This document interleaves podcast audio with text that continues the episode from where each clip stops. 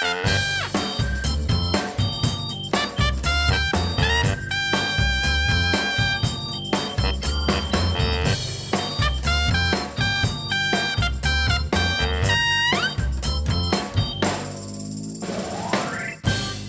een schitterend uitzicht op het IJsselmeer en de Urker bootjes in onze ooghoek maken wij een CIP-podcast.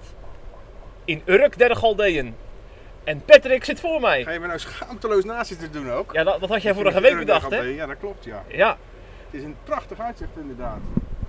Kunnen we hier niet altijd gaan werken? Ja, we kunnen gewoon een CIP-kantoor op Urk eh, installeren. Ik zag dat wat kantoorgebouwen eh, te koop stonden. Want de vis dat gaat ook eh, misschien wel achteruit de laatste tijd. Ik weet het niet. Het is een prachtige omgeving.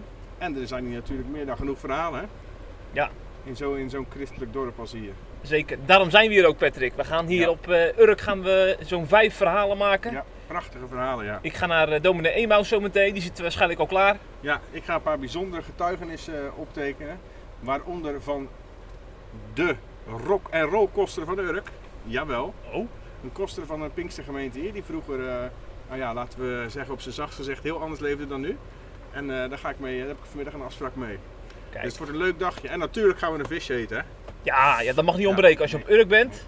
En gelukkig hebben wij een collega uit Urk, Lucas ten Napel. Ja. Dus die hebben we de tip gevraagd van de dag. Ja. Dus Lucas die heeft gezegd waar we moeten eten. Ja, we gaan natuurlijk geen reclame maken, want we zijn onafhankelijk en neutraal. Ja, precies. Maar we gaan ergens eten waar het vijf sterren is. Ja. Ja. En hopelijk hebben ze een goede tong. Ja, dat hoop jij. Ja. Nou, dat is mooi. Hey, we hebben vorige week de gereformeerde gemeente synode gehad Ja. in Gouda. Ja, dat klopt. Dus daar gaan we mee beginnen, want Ja. ja. het is een eh, kerkverband, eh, ik denk van ruim 100.000 eh, mensen toch wel. Dat is behoorlijk, eh, Ik weet niet hoeveel. De, de kerken die er zijn, zijn vaak wel heel groot, ja. ja. Het zijn wel grote gemeentes. En ja, de, de mannenbroeders kwamen vorige week bijeen. Eigenlijk jammer, want ik was op de studiedag van de Nashville-verklaring. En Ja. daar waren er heel weinig gereformeerde gemeentedominees, want die moesten allemaal vergaderen voor hun eigen kerk. Oh, natuurlijk. Ja, Dus dat was niet goed gepland. Oh, dat is zonde. Ja, ja, ja. Maar er zijn natuurlijk prioriteiten in het leven. En wat is nou belangrijker dan het beleidsplan van de gereformeerde gemeente? Heel Ja. veel. ja, ja, sorry. En ze hebben onder andere de kanselruil besproken. Ja. Eh, dat is nogal een begrip dat niet erg, heel erg bekend is in breed christelijk Nederland, denk ik. Nee, nee, nee. Kanselruil, wat is dat eigenlijk, eh, Patrick? Nou, Kanselrel, nou eigenlijk zegt het woord het al. Bij Kanselrel ruilen dominees van verschillende kerkgemeenschappen letterlijk van kansel. Ehm, dus dan zou betekenen dat een dominee van een kerk als de gereformeerde gemeente een, een preek gaat houden in de hersteld hervormde kerken en andersom.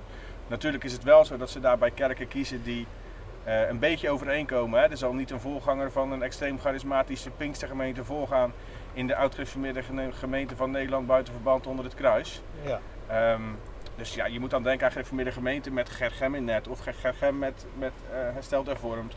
Of een eh, CGK met een eh, hervormde kerk, gereformeerde bond. En dat gebeurt al best veel kerken. Er worden ook veel gesprekken gevoerd. Nou is de, is de gereformeerde gemeente daar natuurlijk een ster in, in gesprekken voeren.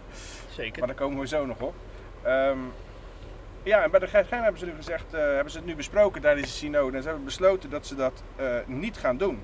En ik denk, ehm, ja, je zou denken, eh, kanselruil dat bevordert eenheid hè, van de verschillende kerken. Maar in de Gergem zeggen ze juist ehm, dat ze het niet willen omdat ze bang zijn voor verdeeldheid in eigen kring. Dat die daardoor groter wordt. Ik, nou denk ik dat dat van de gedachte vandaan komt dat men eigenlijk zo min mogelijk invloeden van buitenaf wil hebben. Hè? Dat gaat Ja. dan om wereldse invloeden, hè, om even die term te gebruiken.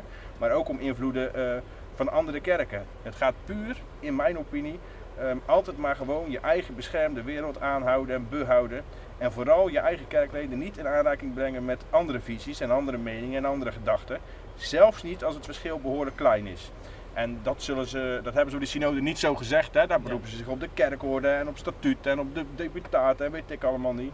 Ehm, maar dat zit er natuurlijk wel achter. En dat wat ze dan allemaal roepen en zeggen, dat is in mijn optiek gewoon van al het opwerpen van rook. Waardoor het heel ingewikkeld wordt en mensen denken, nou het zal wel. Mhm.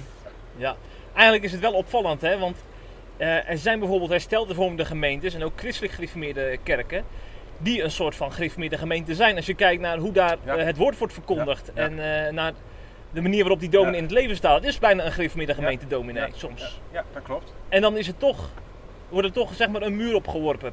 Ja, Door zo'n ja, synode. dat er dan, zelfs als de kleinste details verschillend zijn, dan kunnen ze nog zeggen: eh, die details willen we niet binnen onze eigen kerkmuur hebben. Ja. Eh, het is echt een, een volledige eigen subcultuur binnen, niet alleen binnen het christendom, maar ook nog binnen de reformatorische gezinte. Zelfs nog binnen de rechtse kant van, het, van de reformatorische gezinte. Ja. En ze doen er eh, schijnbaar alles aan om die subcultuur eh, te behouden. Wie daar dwars tegenin gaat, dat is dominee A.A. Egas uit Damwoude. Een christelijk gereformeerde dominee. Ja. En voor de echte goede luisteraars, een, eh, inmiddels een bekende naam. Want we hebben twee weken geleden een podcast met dominee Egas opgenomen in Elspet. En deze mannenbroeder, die sprak ik eh, zo'n drie jaar geleden ook. Ja. Omdat hij een steen in de gereformeerde vijver had gegooid. Dat deed hij op een symposium in 2016. Mhm. En op dat symposium hield hij een pleidooi voor meer eenheid binnen de reformatorische gezinten. Dus niet zozeer binnen de christelijke kerk in zijn algemeenheid, binnen de Revenhoek. Daar wil hij meer eenheid in. En in zijn ideaalplaatje komt er dus één landelijke reformatorische kerk. Ja, dat, is, dat, is, dat, is, dat is een utopie. Ja, Dat is een illusie. ja. Dat gaat Ik natuurlijk denk, nooit ook, gebeuren. ik denk ook dat hij dat stiekem al weet. Daarom wilde hij in kleine stapjes beginnen. Hij, op, die, op dat symposium sprak hij het verlangen uit om ook eens predikanten uit bijvoorbeeld de oud-gereformeerde gemeente en christelijk gereformeerde kerken op de kans van de gereformeerde gemeente toe te laten. Maar dan, dan moet je nou eens horen wat hij nu al zegt. Hè? Eh, hij heeft het nu over de oud-gereformeerde gemeente en de kerk. Ik denk dat hij dat bewust doet, omdat dat de Ja. twee uitersten zijn. Maar die kunnen nooit, ja, die, die boodschap die in die twee kerken wordt verkondigd, eh, op wat uitzonderingen na hoor, maar die- over het algemeen de boodschap die in die twee kerken wordt verkondigd, die staat bijna lijnrecht tegenover elkaar. Is dat Eh, zo? Ja, tuurlijk. In de CGK is, het, eh, is, er, is er sprake van een behoorlijk ruime evangelieverkondiging. Ehm, een ruim aanbod van genade, over het algemeen, hè? er zijn Ja. uitzonderingen. Ehm, en in de oud GGM is dat natuurlijk veel minder. Daar is het vooral eh eh, traditiechristendom, waarbij je maar mag hopen dat je nog eens een keer aangeraakt wordt door God. Mhm, En dat God je door middel van een soort Paulusbekering eh tot hem roept. Ja. Dat zie je, kijk maar naar het aantal avondmaaldeelnemers. Vergelijk dat met elkaar bij die twee kerken, hè? Dan, dan, dan weet je wel genoeg. Dus dat is echt een heel groot verschil. En dan gaat het puur om de leer. Hè? Kijk, ik denk dat je in verschillen qua, qua ehm, ligging en qua regels en qua tradities, daar kan je nog wel uitkomen. Maar in leer, dat is natuurlijk cruciaal voor heel veel mensen. mhm. En daar ga je echt niet zomaar uitkomen, nee. Ja. En dan krijg je dus dat, als er dan uit Gemmen in die gereformeerde gemeente komt preken, dan komt er een bepaald gedeelte van die gemeente en de andere gedeelte komt niet. En dat geldt ook zo wanneer er iemand uit het CGK komt. Dus dan krijg je eigenlijk alsnog groepjes, en dat wordt bedoeld, dus dat snap ik dan weer wel, met die verdeeldheid binnen de kerk die je dan krijgt. Ja, ja. Dus ik ja. snap het ook wel weer een beetje. Maar Ja. ga- ja, ik denk dat het eh, inderdaad heel, veel moeilijker ligt dan, dan dat Egas zegt. Wie dat met jou eens is, dat is dominee Sulfout. Een Mhm. gereformeerde gemeentepredikant eh, uit Capelle aan de IJssel. Ja, eh, sinds een paar jaar met emeritaat. Ja. En toen Egas dat geluid liet horen, toen kwam hij gelijk in actie in het Reformatorisch Dagblad.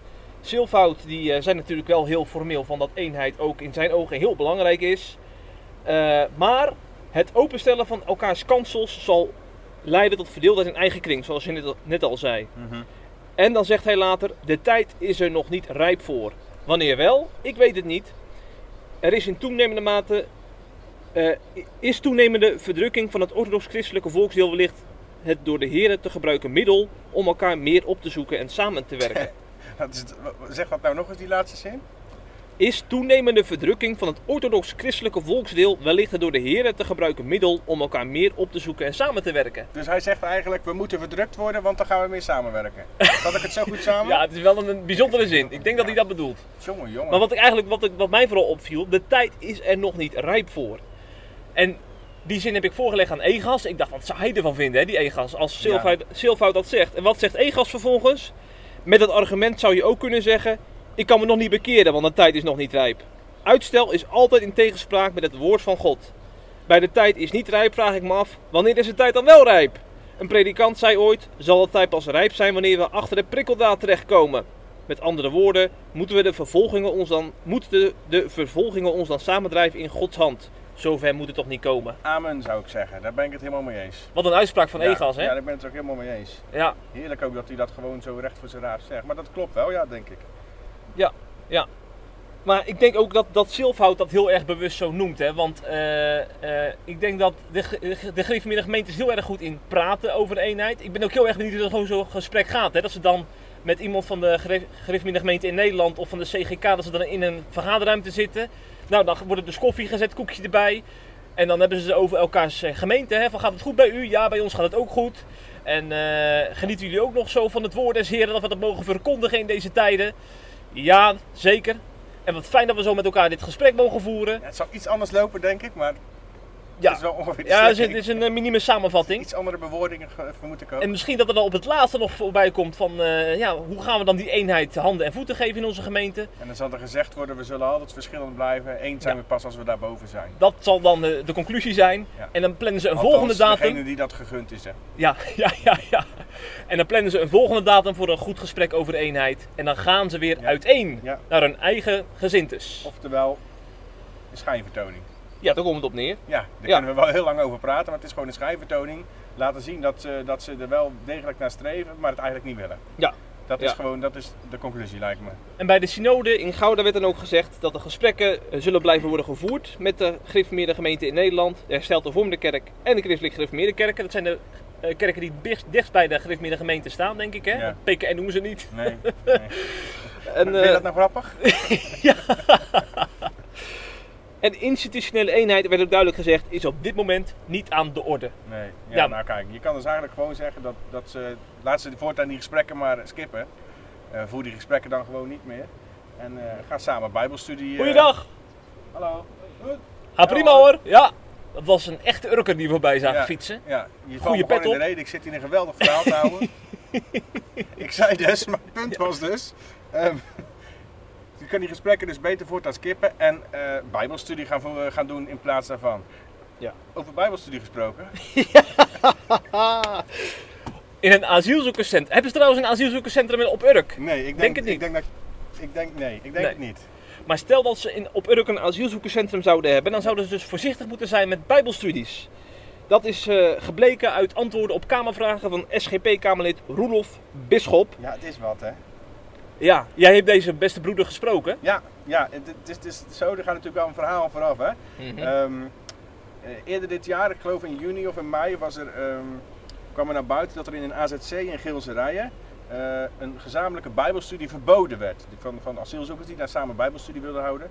Ehm, en dat was omdat andere bewoners, laten we het beestje maar gewoon bij zijn naam noemen, omdat moslims eh, daar moeite mee hebben en omdat ze stoort. Eh, volgens eh Rudolf Bisschop is dat eh, meten met twee maten, omdat een gebedsoproep, en dan gaat het niet om een centrale gebedsoproep, maar een zachte gebedsoproep op je telefoon, in hetzelfde AZC wel toegestaan was. Ehm, hij wil daarover opheldering en heeft daarom vragen aan de minister van Veiligheid en Justitie gesteld. En daar waren tijdens de vakantie, net na het reces geloof ik, of kwamen daar antwoorden op. Ehm, die, hebben, die heb ik ingelezen, die heb ik ingezien, die antwoorden. Ik heb vervolgens met eh Rudolf Bisschop zelf gebeld om een reactie. Eh, ik heb met eh, Jan-Pieter Mostert gebeld van Stichting Gaaf. Hè. Dat is een stichting die zich heel veel bezighoudt met asielzoekers. Een tolenaar trouwens, hè, Jan-Pieter Mostert. Echt waar? Daar komt hij vandaan. Nee. Ja, ja, ja, ja. Echt waar? Ik heb hem ooit geïnterviewd in Tolen, want ik daar woonde. Oh, daar had ik het met hem moeten- over moeten hebben. Dat wist Ja. ik helemaal niet Ja, zo. ja, ja. Nooit van gehoord. Oké, en ik heb, ik heb uitgebreid met hem gesproken. Mhm. Maar goed, in ieder geval, ehm, de, de, eh, er kwam antwoord niet van de minister, maar van de staatssecretaris. Hè? Ankie Broekers-Knol is dat. Grappige naam trouwens. En, en, en zij stelde dat eh, het AZC volledig volgens de richtlijnen heeft gehandeld van het Centraal Orgaan Opvang Asielzoekers, COA. Ehm, daarin staat namelijk dat religieuze eh, activiteiten alleen in de privésfeer zijn toegestaan.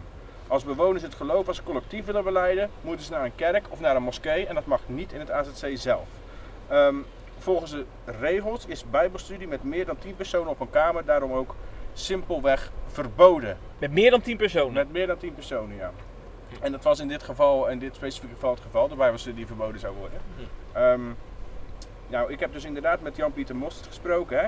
Eh, die zegt daarop, nou ja, het is natuurlijk gewoon een inperking van een grondrecht als je niet bijbelstudie mag doen op de plek waar je woont. Hij nuanceert dat wel gedeeltelijk hoor, want het is natuurlijk wel zo dat je daar dicht op elkaar woont met verschillende geloven en dat er dan natuurlijk wel regels moeten zijn.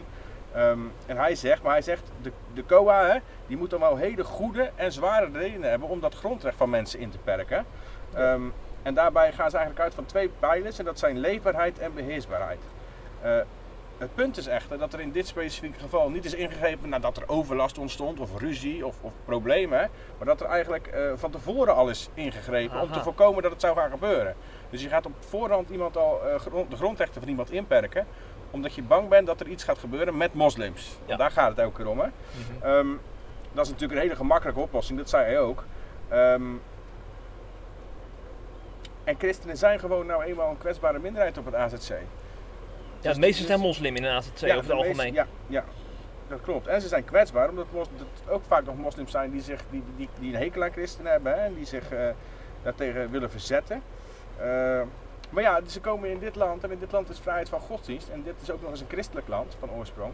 Dus ja, ik, ik ben het wel met Bisschop eens dat daar natuurlijk wel tegenop getreden wordt. Want Bisschop die gaat gewoon verder. Die zegt gewoon, er wordt, er wordt met twee maten gemeten. Hè. De, de, de, de, de, de, de, de, staatssecretaris zei de regels van de COA die worden nageleefd. Maar de Bisschop zegt, nou, ik zou je vertellen, de, de regels worden ten opzichte van christenen veel sterker gehandhaafd. Omdat ze bang zijn voor die, voor die islamitische meerderheid in het AZC. Hm. Mostert die wil dat niet direct bevestigen. Die, die zegt wel dat hij die signalen krijgt.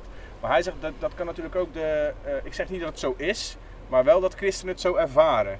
Dus natuurlijk, dat is natuurlijk wel een nuance, hè? Want de christenen kunnen dat natuurlijk zo ervaren. Betekent niet dat het per definitie ook zo is, hè? Dat, ze, Hmm. dat ze worden benadeeld. Eh, maar ja, het is natuurlijk wel een opvallend verhaal. Overigens stelde Mostert daar ook nog bij, dat vond ik ook wel heel opvallend. Dat eh, de term religieus neutraal, dat is namelijk de term die, die COA gebruikt, hè? dat die door de medewerkers van, eh, in de AZC helemaal verkeerd wordt geïnterpreteerd. Want het- zij zien dat als. dat betekent dat religie verboden is en dat we hier op AZC niet aan religie doen. Maar dat is natuurlijk niet religieus neutraal. Religieus neutraal is dat je de ene religie niet boven de andere verheft. Ja. Hij zei, en dat gaat heel vaak fout bij medewerkers. En Stichting Gaven die overlegt ook heel vaak met, met, met, eh, met COA. Dus dat is wel heel goed. Die doen, die doen best goed werk op, op dat niveau. En soms als het dan eh, als dat niks oplevert en als ze merken dat christenen ehm, daardoor in de problemen komen, dan gaan ze inderdaad ook, kunnen ze wel zo ver gaan dat ze bijvoorbeeld eh samen gaan werken met SGP, zodat er eh, en het, eh, op het ho- hoger diplomatiek niveau zoeken of politiek niveau, Mhm. zodat het eh, op die manier opgelost eh, wordt. Ja. En dat is in dit geval natuurlijk gebeurd bij dit geval. Dat, dat bevestigen die wel niet zo 1, 2, 3, maar dat kan ik je wel vertellen. Hm. Ehm, ja, en Bisschop was absoluut niet blij met, met, met, met wat de staatssecretaris als antwoord gaf. Hè? Hij, eh, hij noemde het, ik heb het idee, zei hij tegen mij, dat er gekoerst wordt op eh, de formele informatie van COA. Dat men helemaal niet naar de, de staatssecretaris helemaal geen onderzoek heeft uitgevoerd naar wat er nou in de praktijk gebeurd is op het AZC. Maar dat ze gewoon kijken naar dit zijn de, hand, dit zijn de regels van COA. Ja. Eén iemand opgebeld van zijn die gehandhaafd? Ja hoor, die zijn gehandhaafd, dit is het. Weet je wel? En helemaal niet naar de praktijk hebben gekeken. Eh, en dan krijg je dus zo'n formeel antwoord als je nu de staatssecretaris zou geven. Ehm, en dat klopt wellicht allemaal volgens de regeltjes. Maar daar schiet de christen in de AZC helemaal niets mee op, zei hij. Zij zijn daarvan het slachtoffer en eh, dat vond hij verschrikkelijk triest. Hij zei er ook bij dat de SGP er bovenop blijft zitten. Ehm, en dat ze er ook op terug gaan komen als het in de praktijk niet verandert. Mm, mm, mm. Maar zijn die christenen in de AZC dan wel meegeholpen, denk jij? Ehm, nou, met gelijke behandeling dus. Ja, maar ik bedoel ook van, eh, eh, als je bijbelstudie in je AZC doet, dat, is, dat kan toch per definitie gevaar opleveren? Ja, ik zou kiezen. Ik zou überhaupt. Ik denk dat het. Ik weet, niet, ik weet ook niet hoe de regels allemaal zijn hè, en hoe het praktisch geregeld is. Dus het is voor mij makkelijk om te praten hierover. Maar ik denk dat ik ervoor zou kiezen om bijvoorbeeld eh, om ze gescheiden te houden. Dus, Ja. eh, dus eh, hoeveel AZC's zijn er in Nederland? Weet jij dat toevallig? Nee, dat weet ik niet aan Nou, stel dat er 15 zijn, ik heb echt geen idee, dus ik kan er helemaal naast zitten. Maak er dan drie of vier christelijk. Dus daar zitten christenen, of AZC hoeft niet christelijk te zijn. Maak, maak er een AZC van waar alle christenen naartoe gaan. Dan kom je, voorkom je denk ik problemen. Al kan ik me ook wel voorstellen dat dat weer andere problemen oplevert. Dat er juist op die, dat soort AZC's aanslagen of aanvallen plaatsvinden, omdat ze weten dat er allemaal christenen zitten. Hm. Ehm, Nou, we hebben ook kennis gemaakt met het ASO-AZC. Dat was een experiment in verschillende plaatsen. Dat je dan eh, asielzoekers die bijvoorbeeld homo's en christenen lastigvallen, dat je die in een ASO-AZC plaatst. En daar worden ze dan eh, beter in de gaten gehouden, zeg maar. dat is hetzelfde, dan krijg je een AZC met allemaal moslims. Eh, ja, Ja. In, in ieder geval criminelen. Ja, ik weet niet of het per se moslims zijn. Asielzoekers die christenen en homo's met lastig vallen, Ja. dat zijn geen Ja. christenen. Nee, ja, laten we niet-. Laten we niet politiek correct zijn, dat, Dat daar zijn komt het op neer. Ja. Ja. Ja. Dus dat is in principe hetzelfde verhaal. Dan Mhm. krijg je, hè, dan krijg je een AZC met, met, met moslims die zulke achterlijke ideeën erop nahouden. En een AZC met christelijke, christelijke asielzoekers, eh, niet-gelovige asielzoekers, andersgelovigen of gematigde moslims. Die zijn er natuurlijk ook nog wel. Ja, het lijkt mij een prima idee. Ja. En ik denk dat dit soort problemen daarmee opgelost worden, ja. Want het is, ik geloof wel wat Bisschop zegt, dat het inderdaad wel echt eh, ehm, angst is. Die, die, dat dat, dat zo'n bijbelstudie verboden wordt van tevoren. Dus een grond dat wordt ingeperkt, vooraf, zonder dat er iets onrust is ontstaan. Dat is puur angst voor de islamitische meerderheid in die AZC's. Dus eigenlijk zou je kunnen zeggen dat in die AZC's moslims zou gaan bepalen wat er gebeurt. Ja. Hè, en dan zitten ze nog niet eens in onze samenleving. Ja, ja, ja, ja, ja. Nou ja, ik, ik wil niet weer over het gevaar van de islam gaan beginnen, maar... precies. Ja, ja. Zeker. Goeiedag. Zou u even een fotootje van ons willen maken? We zitten hier lekker in het zonnetje. Ja. Heerlijk. Kijk, dat vinden we nou leuk, het hè? artikel plaatsen. Ja, is toch leuk, zo bij het artikel. Alsjeblieft. Ja, yes, dank u wel, hoor. Ja, Ja, die Prachtig, muur. hè? Schitterend, hè? We gaan niet door de bocht en we Nee, precies. erachter. dat is goed zo, hè. Bedankt. Dank u. Maar denk je dat Bisschop hier nog op gaat terugkomen? Want ik neem aan dat hij eh, hem kennen, dan neemt hij, hier geen genoegen mee, Nee, toch? Ja, Eh, daar moet er wel een aanleiding voor zijn. Er moet er wel weer iets gebeuren, hoor. Kijk, hij heeft het nu gezegd. ehm, mocht er nou een incident komen, eh, gebeuren een keer, dan kan hij daar natuurlijk op terugkomen. En zijn werkt politiek natuurlijk ook gewoon. Dan zegt hij al, ik heb toen al kamervragen gesteld, toen hebben jullie niks gedaan. Ja. Dat is natuurlijk ook gewoon een beetje politiek. Alleen denk ik ook wel dat die man... Oh, daar, oh, daar oh, rolt iemand zijn pet in het water. Ja, iemand zijn pet eh, hier rolt hier in het Urker eh, meertje. En dan gaan nu drie, drie mensen gaan er nu op af om te kijken pet of die pet nog te redden is. Dit is toch al live vanuit Urk hebben we hier nieuws voor CIP. We maken van alles mee. Ik moet trouwens over een half uur bij mijn afspraak zijn. Ja, dus wij laten we moeten, doorpraten. wij moeten snel naar het derde onderwerp, Ja, wilde je zeggen. Ja, ja. Bisschop zal, Maar er, zal er vast op terugkomen Ja. als er iets gebeurt. En Bisschop kennen, het is wel een oprecht man die, die, die het oprecht wil opnemen voor christenen in dit soort situaties. Dus die zal hier wel scherp op blijven zitten. Eh, sowieso zijn partij, denk ik, SGP, hè, die is daar altijd mee bezig. Ja, ja, ja, zeker.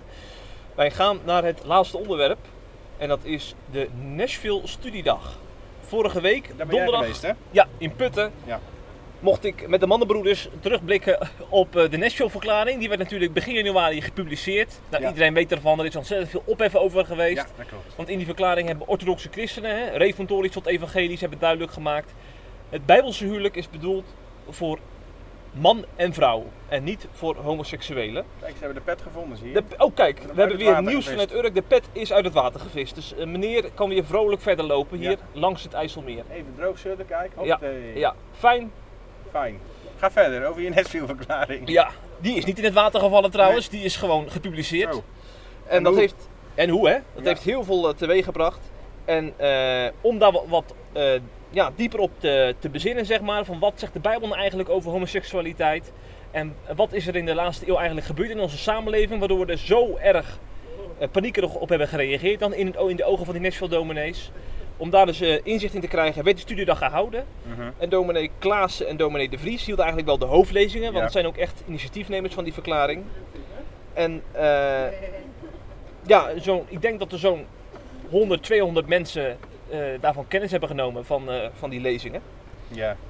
Ehm, wat mij opviel aan die lezingen was dat eh, er nogal fel van leer werd getrokken, zeg maar. Het is niet zo dat, dat de mannenbroeders dachten, we gaan eens even een toontje matigen naar, naar al die eh, commentaren die we hebben gekregen in, de, in de samenleving en al die kritiek. Mhm. Eh, eigenlijk gingen ze vol op het orgel, zou je kunnen zeggen. Ja? ja, Ja. dat is een mooie woordspeling. Dat orgel dat heeft ook Ja. geklonken trouwens die dag. Schitterend En die ze psalmen. volop. Ja, ja, ja, ja, ja. Ja, ze gingen daar gewoon nog, deze ook een schepje erbovenop, of was het gewoon weer dezelfde, hetzelfde riedeltje? Ja, de toonzetting was natuurlijk hetzelfde, maar nu konden ze het uitdiepen. Mhm. En eh, ik vond dat, dat vooral Klaas toch wel behoorlijk eh, verder ging. Want eh, hij sprak echt wel van een, van een revolutie. Hè, alsof er een, een bevolkingsdeel is in Nederland dat echt weg, wi- eh, die, die christelijke waarden van huw- huwelijk en seksualiteit, dat ze die echt willen indammen. Over En daar alles het nou? Voor het nou over andere christenen of over eh Ja, dat is vooral eh, zeg maar, eh, links dan moet je er een beetje aan de grachtengordel denken. Ja, ja, ja. Daar, daar was hij heel erg op aan het hameren. Van die mensen die willen onze christelijke waarden, willen ze de IJsselmeer indrijven. En daar moeten wij een stokje voor steken. ja, precies. En dat heeft hij natuurlijk allemaal helemaal goed uiteengezet. Hè, met, met een betoog Mhm. dat meer dan, meer dan drie kwartier duurde. Ja. Dus eh, dat, overigens is dat verslag te lezen op cip.nl. Dus Ja. voor mensen die daar meer over willen weten, kunnen zich aanmelden en dat verslag nog van Klaassen teruglezen. Heeft afgelopen maandag op SIP gestaan. Ja. En ehm, nou, er, er was ook trouwens ruimte voor vragen. Hè. Er was ook een forumgesprek die middag op de studiedag. Dus mensen uit het publiek konden ook Klaas en de Vries eh, kritische vragen stellen. Mhm. En eh, één iemand zei ook van, heeft hij nou niet een doemscenario geschetst, dominee Klaassen? Want er gebeuren ook heel veel mooie dingen in Nederland. Er zijn gewoon nog mensen die in het huwelijk treden, die nog steeds dat ook, ook als ze bijvoorbeeld niet per se die orthodox-christelijke visie zeg maar eh, ondersteunen, die dat toch met eer en geweten doen. Mhm. Eh, ook hun kinderen opvoeden met, met eh, christelijke normen en waarden. En niet zozeer misschien vanuit het gedacht- gedachtegoed van Klaassen, maar wel vanuit de Bijbel. Ja, En- maar dat is volgens Klaassen dus niet het geval. Ja, Klaassen die vindt dat dus dus- heel belangrijk dat het echt volgens die principes van Nashville gaat. en als het anders is, is het niet bijbels volgens hem. Ja. Dat, dat is Ja. natuurlijk de visie van Ja, Klaassen. want ik heb ook nog even met dokter De Vries gepraat. Dat is ook best wel een radicaal mannetje als het hier om gaat. Want hij zei dat wie niet eh, het seksualiteit binnen het huwelijk van één man en vrouw legitimeert, die is geen christen. Juist. Want dan, dan kun je ook niet de Bijbel Ja. naar eer en geweten naleven. Ja. Ehm, daarbij beroept hij zich elke keer weer op de scheppingsorde. Hè. Dan gaat hij terug naar Genesis van Adam en Eva die dan voor elkaar geschapen zijn. En ook geschapen zijn om met elkaar kinderen te baren. Ja. En homo's kunnen geen kinderen baren. Dus ik ben per definitie ook niet bijbels bezig in zijn ogen. Dus in, in dat opzicht eh, heeft Klaas natuurlijk wel een heel volksdeel eh, afgeschreven. En hij staat er ook volledig achter. Ik heb nog na afloop ook gevraagd van... eh, maar is er ook niet ruimte voor een andere interpretatie van de schrift? Kun je dan ook Ja. zeg maar, met een andere interpretatie ook de Bijbel naleven? Ja, ja. Nee, daar is geen enkele ruimte voor. Maar is- kijk, wat, wat heeft zo'n studiedag nou voor nut dan? Want het is toch gewoon preken voor eigen parochie? Ja, iedereen, dat is dus- iedereen die daar zat, Ja. die is het met hem eens en die, heeft, die deelt dezelfde mening. Ja. Dus wat, heeft het, wat heeft- is het nou, ja, Dat is ook Voor de precies, precies de reden dat John Lapré, dat is dus een homoseksueel die in de reformatorische gezint uit de kast is gekomen, dat die niet naar de studiedag is gekomen. Omdat hij ook zei van ja, het is al bekend wat ze gaan zeggen. En die Nashville-verklaring die staat niet ter discussie. Ter discussie, dus dan, dan heeft het ook geen zin om daar naartoe te komen in zijn ogen. nee, precies. Ehm, dat is trouwens ook wel een, een, een kritiekpunt van mijn kant. Ik had het wel mooi gevonden als er nou een lezing zou zijn geweest, bijvoorbeeld van een theoloog die een andere Die iets anders dacht. die er Ja. iets anders in staat. Ja. En dan heb je ook wat meer aan zo'n forumgesprek. Ja, en dan want heb je dan, een debat, hè? en dan heb je een Komt debat. Een debat. Ja. En dat, dat, brengt, dat, dat brengt meer leven in de brouwerij. En je komt ook gewoon tot diepere inzichten, denk ik dan. Ja, Ja. precies. Ja, dus dat had wel eh, beter gekund wat mij betreft. Maar verder wacht je een geweldige dag, neem ik aan, hè? Ja, tuurlijk was het een geweldige dag. Ook inhoudelijk, want je komt daardoor... Je, daardoor ga je zeg maar het reformatorische denken beter leren kennen. Van waarom hamert men zo op, op eh, eh, huwelijk voor één man en vrouw. En want er zit natuurlijk echt een hele goede gedachte achter. Maar dat vind ik dan weer jammer aan mensen die die verklaring helemaal afkraken. Die willen dat ook niet begrijpen. Die doen er met een one-liner doen ze zo'n Nashville-verklaring af. Ja. Maar ik denk van, ga dan eens een keer goed met zo'n reformatorische predikant praten. Waarom heb je die verklaring ondertekend? Ja. En het is, er zijn gewoon hele goede argumenten voor. Het is niet zo dat ze even een statement willen maken en, en Nee, eh, niet over na hebben gedacht. Ja, natuurlijk genoeg over in de Bijbel, hè? Het is niet zo dat ze zomaar wat eh, vasthouden aan een bepaalde, terwijl er een scooter voorbij komt overigens. Ja. Het is niet dat ze zomaar vasthouden aan een bepaalde gedachtegang of traditie. Het is wel degelijk eh, met argumenten uit de Bijbel, hè? Zeker, zeker. Ja. Dus doe in ieder geval je moeite om, moeite om dat te begrijpen als je het er niet, met een, niet mee eens bent. Klopt. Vind ik. Dat hebben wij overigens wel gedaan, hè? Mhm. Wij, wij, ik vind dat wij op dit gebied uitgebreid podium bieden aan, aan alle, alle zienswijzen. Ja, van John Lapré tot Arjan Baan, Ja, nou, eh Dominee Klaassen. We geven ze... Ar- Arjan Baan zegt er niet zoveel meer over tegen ons, hè? Nee, nee, dit is een eh, radiostilte zullen we maar zeggen. Ja, Ja. precies. Overigens wat me ook opviel tijdens die dag, is dat... eh, wanneer, kom je dan tegen dat dominee Klaassen en Orlando Bottomblij, een evangelische broeder, Ja, die het liefst altijd zijn handen in de lucht steekt om de Heer te prijzen, dat Ja. die in één ruimte psalmen en gezangen zingen. dat dan- kom je nooit tegen. dus dan vinden ze elkaar ineens. Dus ze hebben elkaar gevonden door die Nashville-verklaring. Dat Ja. heeft ook dominee Kees van Velzen gezegd, als een evangelische voorganger. Die zegt ook, ik heb zoveel zegen ervaren door die Nashville-verklaring, want ik ben nauw in gesprek gekomen met christenen uit andere gezintes. En ook met mensen met wie ik niet zozeer eh, op één lijn sta, eh, theologisch, maar met wie ik wel samen broeder en zuster in de Heer kan zijn. Dat is wel bijzonder natuurlijk. Ja, dat is best wel bijzonder, ja. Ja. Dan moet ik wel zeggen dat het natuurlijk wel een beetje ehm, vreemd is dat ze elkaar wel ineens kunnen vinden als het om anti-homo standpunt gaat. Mhm. Eh, maar dat op, op andere standpunten, theologische standpunten, dat ze Ja. beide ver bij elkaar vandaan staan. Hè? Ja, Dat, dat er zeg maar, zo'n dag nodig is of zo'n verklaring nodig Ja. is om bij elkaar te komen. Ja, Dan ja, kunnen ze ook wel eens bij zichzelf te raden gaan. Misschien moeten we op andere theologische standpunten toch eens wat meer naar elkaar gaan luisteren. ja, ja. ja, ik denk dat bijvoorbeeld, stel, eh, Het, is, het is volgend jaar weer een keer tweede Pinksterdag. Waarom zou je dan ook niet zo'n dag kunnen organiseren en met reformatorische en Ja. evangelische... Goeiedag. Hallo. En hele mooie liederen om, om, om eh, ja, God te aanbidden, zeg maar, Ja. eensgezind. Ja. Ja. Zonder een, een actuele aanleiding, inderdaad een anti-standpunt. Jammer dat dat een aanleiding moet zijn, dat vind ik ook. Helemaal Ja. mee eens.